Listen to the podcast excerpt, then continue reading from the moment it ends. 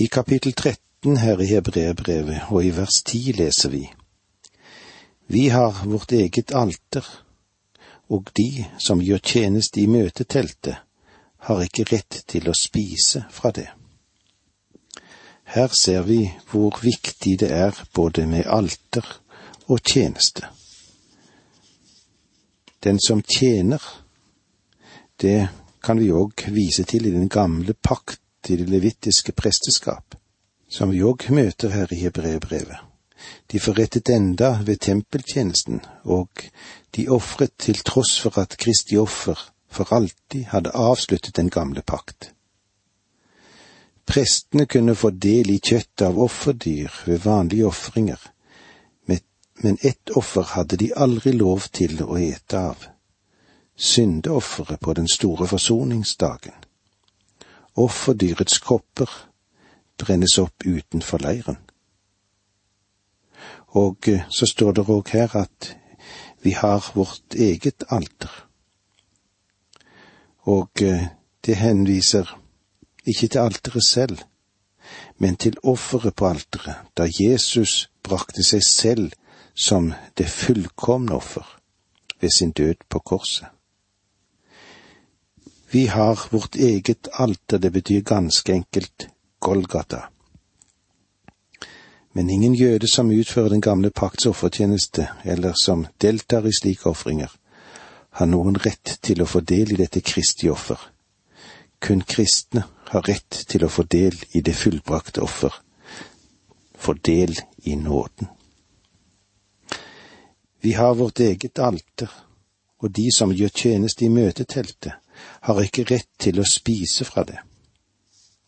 Altså, her gjøres det en sammenligning mellom det Israel hadde under den gamle pakt, og det nye som kommer med den nye pakt. For oss nåtidskristne, for oss troende i dag, så er det et alter. Og dette alteret er ikke Herrens nadvær, som noen kanskje feilaktig har tolket det til å bety. Vi har ikke et, noe materielt alter med en lokal adresse, men vi har ett alter, og det er i himmelen. Det er nådens trone der oppe.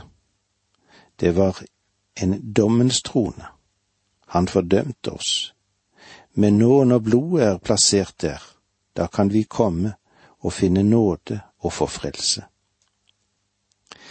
Gjennom Guds ord vil du finne dette fellesskapet mellom himmel og jord og det er Guds ord som fører deg til Kristi person for å få deg til å se ham i all hans herlighet.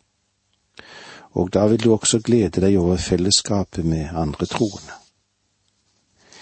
I vers 11 leser vi Blodet av offerdyrene bærer øverstepresten inn i helligdommen til soning for synd, men kroppen blir brent opp utenfor leiren. Forfatteren henviser her til syndofferet. Da Kristus døde, så var det fordi du og jeg er syndere.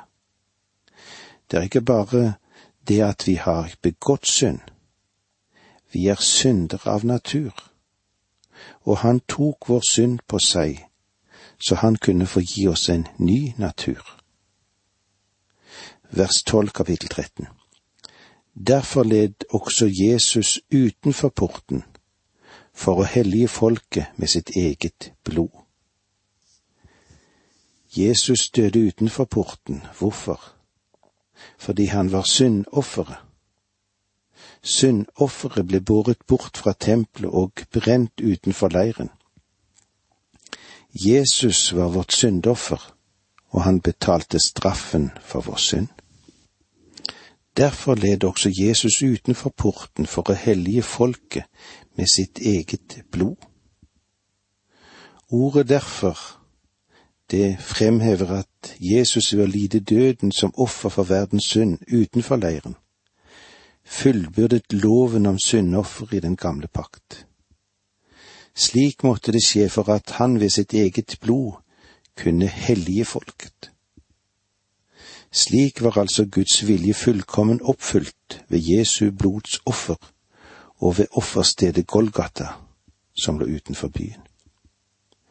Ved denne Guds vilje er vi helliget en gang for alle, som det står i Hebrebrevet 10.10.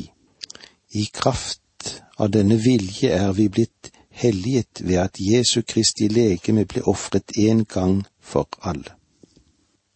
De som slik er blitt helliget, er dermed ikke bare innviet til Gud, men på samme tid utskilt fra den vantro verden. Måtte Kristus lide korsets vanære utenfor leiren for å hellige folket, så må alle som har del i dette offer, følge denne oppfordringen, som det står i vers 13 i Hebrebrevet 13. La oss da gå ut til ham utenfor leiren og bære hans vanære. Forfatteren sier til disse kristne jødene, gjør det ikke til en sak av viktighet å forlate tempelet eller ritualene. De tingene hjelper ikke, men gå til ham, gå til Kristus. Vi må også gå til ham. Vi er på vei til vårt himmelske Jerusalem. Det er en virkelig adskillelse han taler om her. I dag legger vi vekten på adskillelse fra, vi er altså skilt fra noe. Jeg gjør ikke dette, og jeg gjør ikke hint. Virkelig adskillelse er ikke fra, men til. Paulus sa at han var adskilt for evangeliets skyld, adskilt for Kristus, satt til side for Guds ord. Faktisk betyr ordet hebreer en som har krysset over. Abraham ble kalt en hebreer fordi han var kommet fra andre siden av Eufrat-elven, og det symboliserte at han hadde forlatt sitt gamle liv. Israelsfolket krysset Rødehavet, og de ble fridd fra slaveriet. De ble gjenløst, og et nytt liv var da mulig. Men så måtte de også krysse Jordanelven for å leve i løftenes land, Kanans land, et liv vi også skulle leve her nede. Vi skal gå utenfor leiren og bære hans vanære. De hebraiske kristne hadde vanskelig for å forlate tempelet og sin religion. Vi kan noen enhver ha tendens til å bli noe oppslukt av det kirkeligheten som finnes eller skal vi si organisasjonslivet og de ytre forhold omkring kirke og menighet og organisasjoner, men ofrer liten tid på Kristus, som er menighetens herre.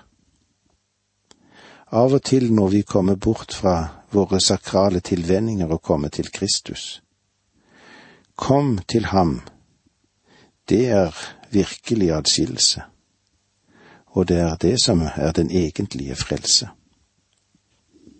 vers 14. For her på jorden har vi ingen by som består, men vi lengter etter den som skal komme.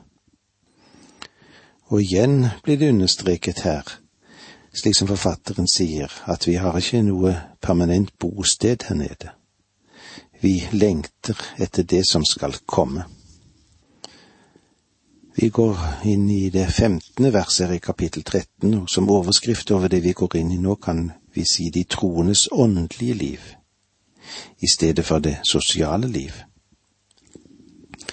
Vers 15 kapittel 13 La oss da ved ham stadig bære frem for Gud vårt lovprisningsoffer, det vil si den frukt av lepper som priser hans navn. Guds barn er en prest i dag og kan bringe offeret til Gud. Det er fire ofre for den troende. Det første, du kan ofre deg selv som person. Det andre, du kan ofre dine midler. Det tredje, du kan ofre din lovprisning. Og det fjerde og siste, du kan ofre ham din tjeneste. Dette vil vi komme nærmere inn på når vi møtes igjen neste gang, men det var så langt vi kom i dag. Men la oss nå tenke igjennom på å bære fram for Gud vårt lovprisningsoffer. Han venter det og forventer det av oss alle sammen. Takk for nå, må Gud være med deg. Dette undervisningsprogrammet består av to deler. Åge Nevland fortsetter nå med andre del av dagens undervisning. Vi er i Hebreerbrevet i det siste kapitlet, og eh, den siste del av det som vi har fått nåde og styrke og kraft til å ta imot, de troendes åndelige liv, eller slik som det står i det femtende verset i kapittel 13. La oss da ved ham stadig bære frem for Gud vårt lovprisningsoffer, det vil si frukt av lepper som priser hans navn. Et Guds barn er en prest i dag og kan bringe offeret til Gud. Og så har vi da de fire ofrene som en troende har. Det første er at du kan ofre deg selv som person. Vi leser sammen Romerbrevet 12.1. For Guds barmhjertighets skyld formaner jeg dere, brødre, til å bære legemet frem som et levende og hellig offer som er til Guds velbehag det skal være deres åndelige gudstjeneste.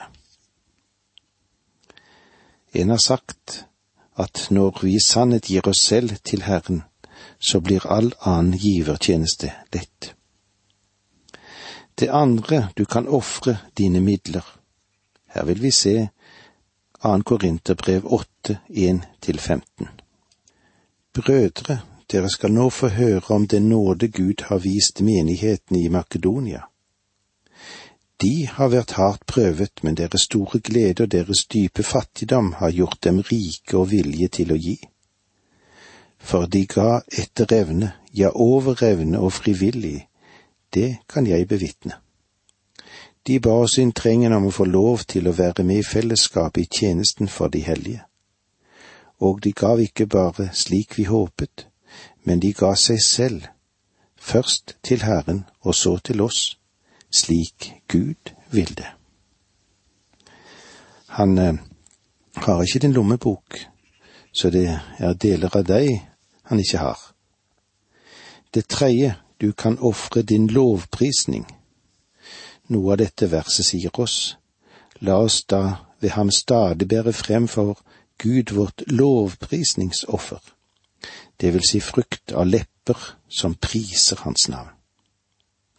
Og til sist kan du ofre din tjeneste, det å gjøre godt, noe som vi møter i det følgende verset, altså vers 16. Men glem ikke å gjøre godt og dele med hverandre, for slike offer er til Guds velbehag.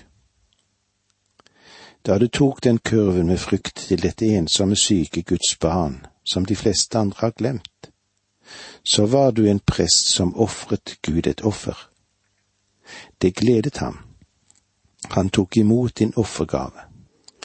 Dette omfatter både hjertets takkebønn til Gud i Jesu navn og munnens takknemlige bekjennelse og opphøyelse av Frelserens navn. Guds barn skal ikke gå utenfor leiren og bære hans vanner i forsakthet og i mismot, men med frimodig glede og lovsang for denne herlige nådestand. Til en rett lovsang for Gud i hjerte og munn hører også det å gjøre godt og dele med andre.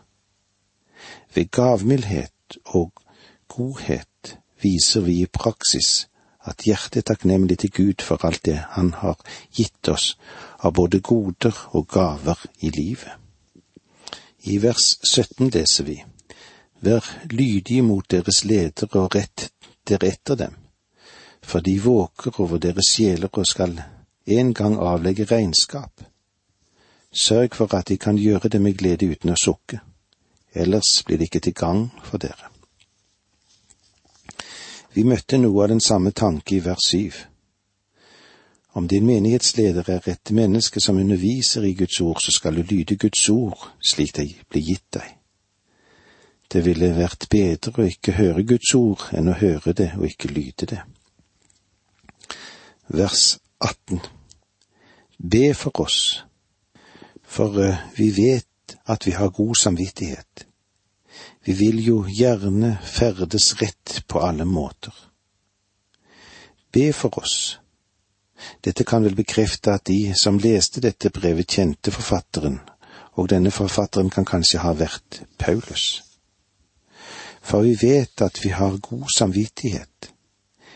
Vi vil jo gjerne ferdes rett på alle måter. Det er godt å legge hodet på puten om kvelden når man har en god samvittighet, en samvittighet belyst av Guds ord. Mange vandrer ikke i lyset. Sier at vi har samfunn med, med ham, men vandrer i mørket, da lyver vi og følger ikke sannheten. Dersom vi vandrer i lyset, slik han selv er i lyset, da har vi samfunn med hverandre, og Jesu, hans sønns blod, renser oss for all synd. Slik står det i 1. Johannes 1, 6 og 7. Be for oss. Hvordan er det, behøver vi hverandres forbønn? Apostlene, de følte det. Hver våken kristen føler at det er godt når noen ber for oss.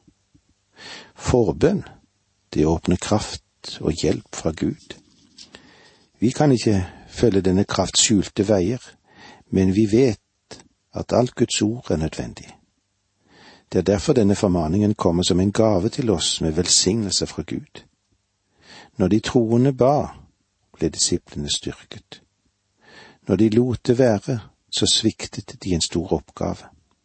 Når det en gang skal åpenbares for oss hva som har skjedd, så vil vi se at arbeidsredskapet som var det største og viktigste, var forbønn bønn for de som virket. Be for hverandre. La oss gå litt videre i kapittel 13 vers 19. Særlig ber jeg dere om forbønn for at dere det snarere kan få meg tilbake. Dette verset kan uttrykke flere ting, enten at forfatteren er i fengsel når han skriver, eller at han er fordrevet fra dem på grunn av kristendomsforfølgelse og han skriver til disse kristne hebreerne, Jeg ønsker å komme tilbake og være sammen med dere. Han var jo selv en troende jøde. Og nå kommer vi til velsignelsen, en velsignelse jeg har brukt mange ganger i min tjeneste. Vers 13, 20 og 21 vers. Fredens Gud, Han som førte den store hyrde for jorden, vår Herre Jesus Kristus opp fra de døde i kraft av en evig pakts blod. Måtte Han gjøre dere skikket til alt som, er, som godt er, slik at dere gjør Hans vilje. Ja, måtte Han ved Jesus Kristus virke i oss det som er etter Guds gode vilje. Ham være ære i all evighet. Amen. Den store hyrde for jorden den Herre Jesus blir her kalt den store hyrde. I Salme 22 og 23 blir han fremstilt som den gode hyrde. I Johannes 10,11 kaller han seg selv den gode hyrde. Som den gode hyrde ga han sitt liv for fårene. Som den store hyrde er han den som bygger opp fårene og fører dem til sitt bestemmelsessted. Her ser vi, og her møter vi også Salme 23. Han leder oss til vann der vi finner hvile, og til steder der gresset er godt og grønt, og det er i sannhet Guds ord. Også i Salme 24 blir han fremstilt som overhyrden. Når så overhyrden åpenbarer seg, skal dere få herlighetens grann som aldri visne, står det i første Peter 5,4. Han døde i fortiden som den gode hyrde. Han er den store hyrden i dag. Han kommer en dag som overhyrden for å hente sine får. Han startet med hundre får. Om det er rett som savnes, så vil han gå etter det til han finner det. Han vil ha alle hjem. I kraft av en evig pakts blod, hans blod er grunnlaget for enhver pakt Gud noensinne har sluttet. Måtte han gjøre dere skikket til alt som godt er, og det er hensikten med brevet til hebreerne. Han har stadig gitt oss meldinger om å gå fremad mot fullkommenhet. Han vil at vi skal gå frem til modenhet, til å være modne fullvoksne, ja, som fullvoksne Guds barn. Og det er vel mange av oss troende i dag som trenger å vokse i modenhet, og hebreerbrevet hjelper oss til det. Gjøre dere skikket til alt som godt er, slik at dere kan gjøre Hans vilje. Hva er det som er viktig for Guds barn? Å gjøre Hans vilje. og tillate ham å utvirke sin vilje i vårt liv ved Jesus Kristus, virke i oss det som er etter hans gode vilje. Ham være æren i all evighet. Amen. I vers 22, Jeg ber dere, brødre, ta jeg vel imot disse ord som skal være til veiledning for dere. Jeg må jo fatte meg i korthet. Legg merke til hvor eh, personlig han er. Jeg må nesten smile når han skriver han måtte fatte seg i korthet. Etter min, etter min vurdering er dette brevet langt, men han kaller det å fatte seg i korthet. Ja, vi vurderer jo forskjellig. Vers 23 Dere skal vite at vår bror Timotius er løslatt. Hvis han kommer snart, skal jeg besøke dere sammen med ham. Igjen må jeg få si at dette lyder som Paulus, åpenbart hadde Timotius vært i fengselet.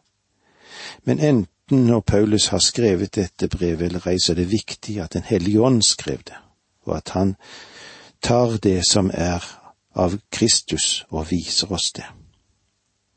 Vers 24 Hils alle deres ledere og alle de hellige, brødrene fra Italia sender dere sin hilsen. Forfatteren var i Italia, og det var Paulus også. Nå avslutter han dette vidunderlige brevet med denne velsignelsen, og jeg vil avslutte også med den. Jeg kan ikke gjøre noen forbedringer, og denne hilsen, den tolker seg selv. Nåden være med dere alle. Takk for nå, må Gud være med deg.